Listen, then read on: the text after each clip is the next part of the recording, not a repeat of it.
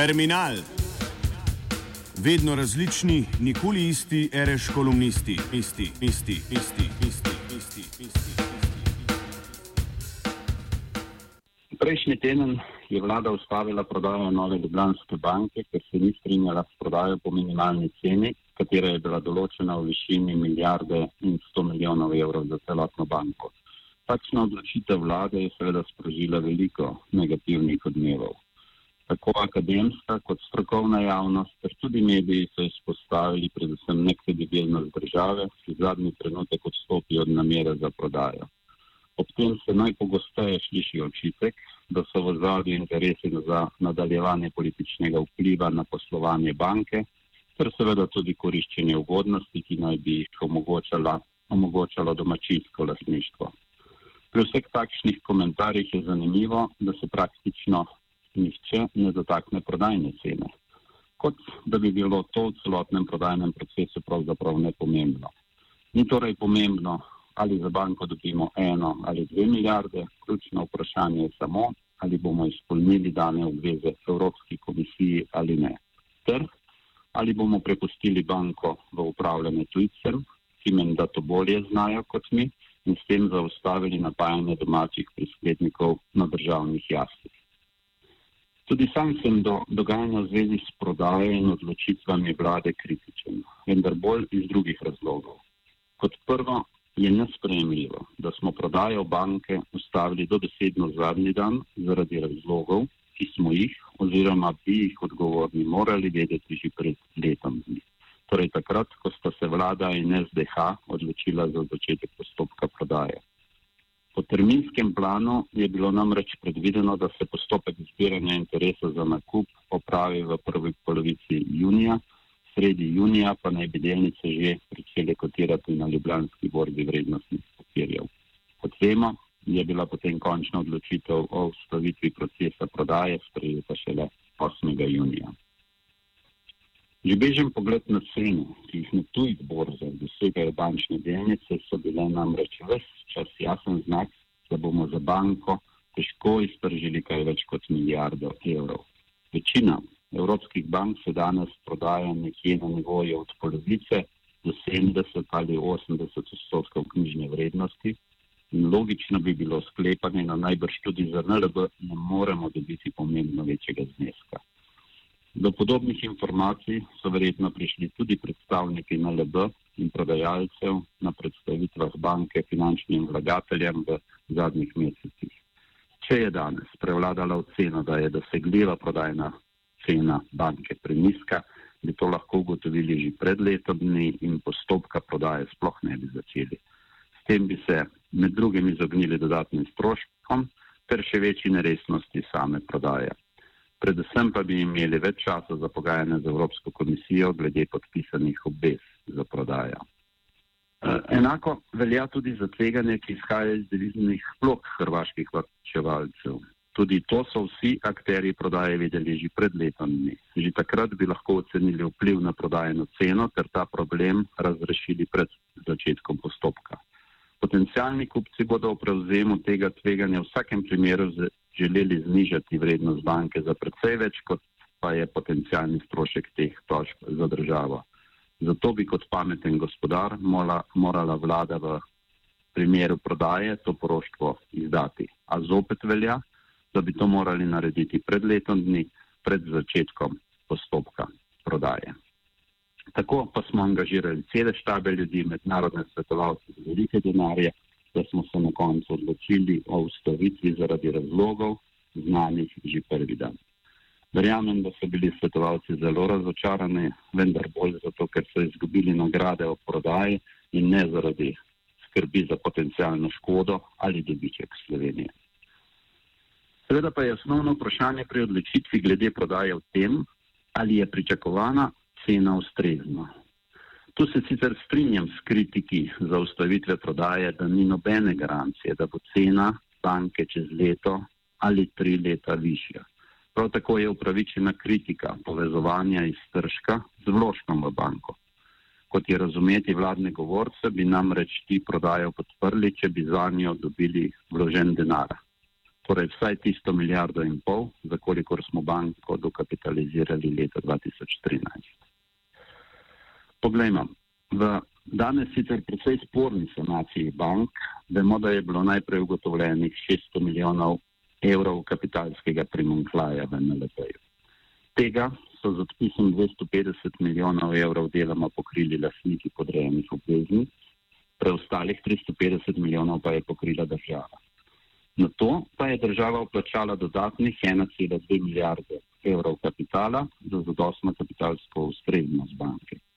Ta kapital je z dobrim poslovanjem zadnja leta narastel na skoraj 1,6 milijarde.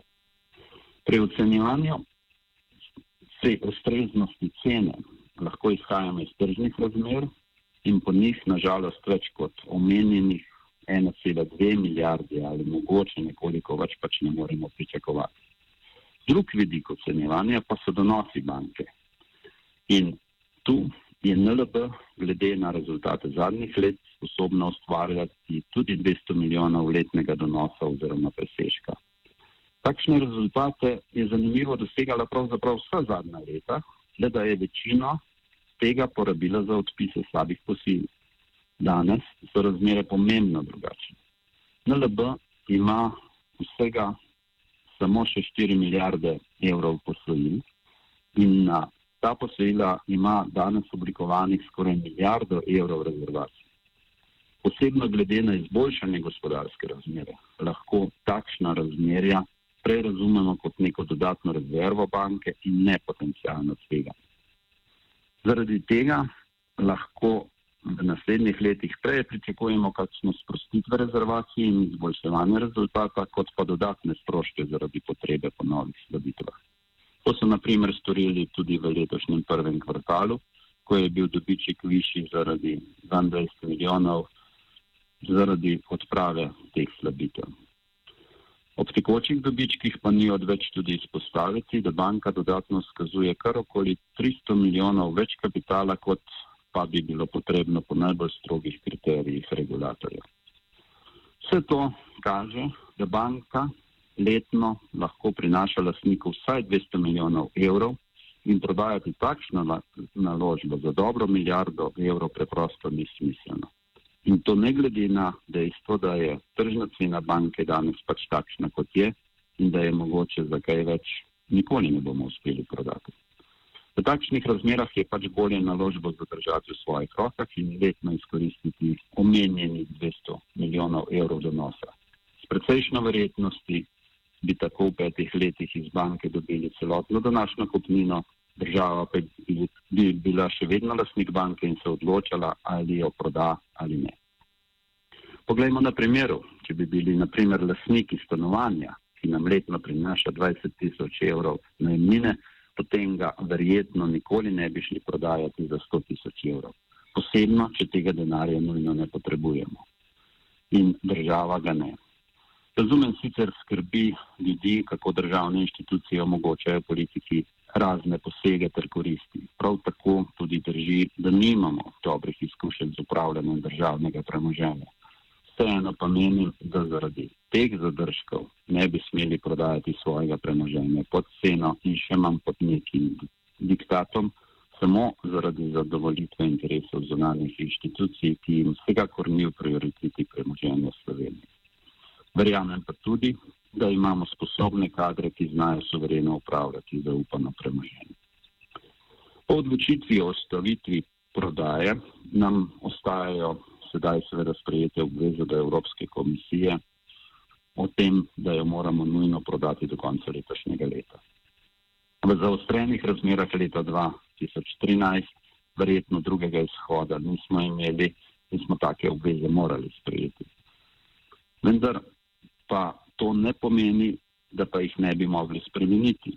Takšne obveze namreč izhajajo iz tako imenovane, iz odobritve tako imenovane nedovoljene državne pomoči, ki naj bi bankam v sanaciji omogočile prednostni položaj na trgu, saj tako tolmači Evropska komisija. Glede na to, da je naša država, da naša država sanacijo ni reševala nobenega privatnega lasnika, da je skrbela samo za ohranitev svoje lasnine bi o tej pomoči pravzaprav težko govorili. Posebej še glede na dejstvo, da smo banko v celoti sanirali s svojimi sredstvi, brez kakršne koli pomoči tujih finančnih inštitucij. In zaradi tega menim, da bi se morali dogovoriti za umik zahteve za prodajo banke, ter tudi umik omejitev pri poslovanju banke. Le te dodatno zmanjšujejo ceno in položaj NLB-ja. Glede na razmere bi morali namreč banki dopustiti konkurenčno nastopanje na trgu, saj zaradi državnega lasništva in še manj zaradi uplačila kapitala strani države ni v nič boljšem položaju kot tuje banke, za katerimi stojijo močni lasniki. Sveda je takšno stališče lahko napisati ali ga izreči. Predvsej bolj zahtevna pa je naloga pogajalcev v Bruslu. A glede na vzorne rezultate naše države, res ne vidim razloga, da nam Evropska komisija ne bi prisluhnila. Le zakaj bi bilo to dovoljeno samo veliki?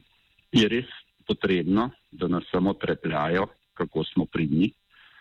Popolnoma nekorektna je v takšnih razmerah tudi pravica komisije, da razprodaja premoženje v NLB-ja v drugih državah, kar lahko pomeni samo slabitev NLB-ja in zmanjševanje premoženja države Slovenije le zaradi česa bi si zaslužili takšno kazen. Upam torej, da bo našim pogajalcem uspelo dogovoriti omenjena pričakovanja. Seveda pa se mora vključiti v to najbolj odgovorna oseba v državi in na tem strajati. Tudi za ceno, da kak dogovor kršimo ali ga ne realiziramo. Če se bomo namreč dogovorili samo za kako leto ali dve zamika prodaje, pri čemer pa bi banki še naprej ostale vse omejitve pri tekočem poslovanju, potem s to ustavitvijo nismo naredili nič.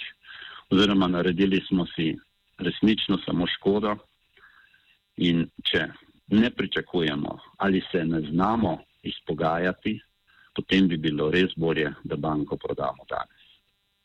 Terminal je pripravil Bino Kordež.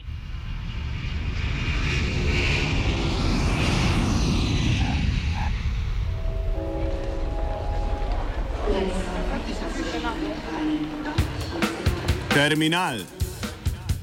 Vedno različni, nikoli isti, reš kolumnisti, isti, isti, isti, isti.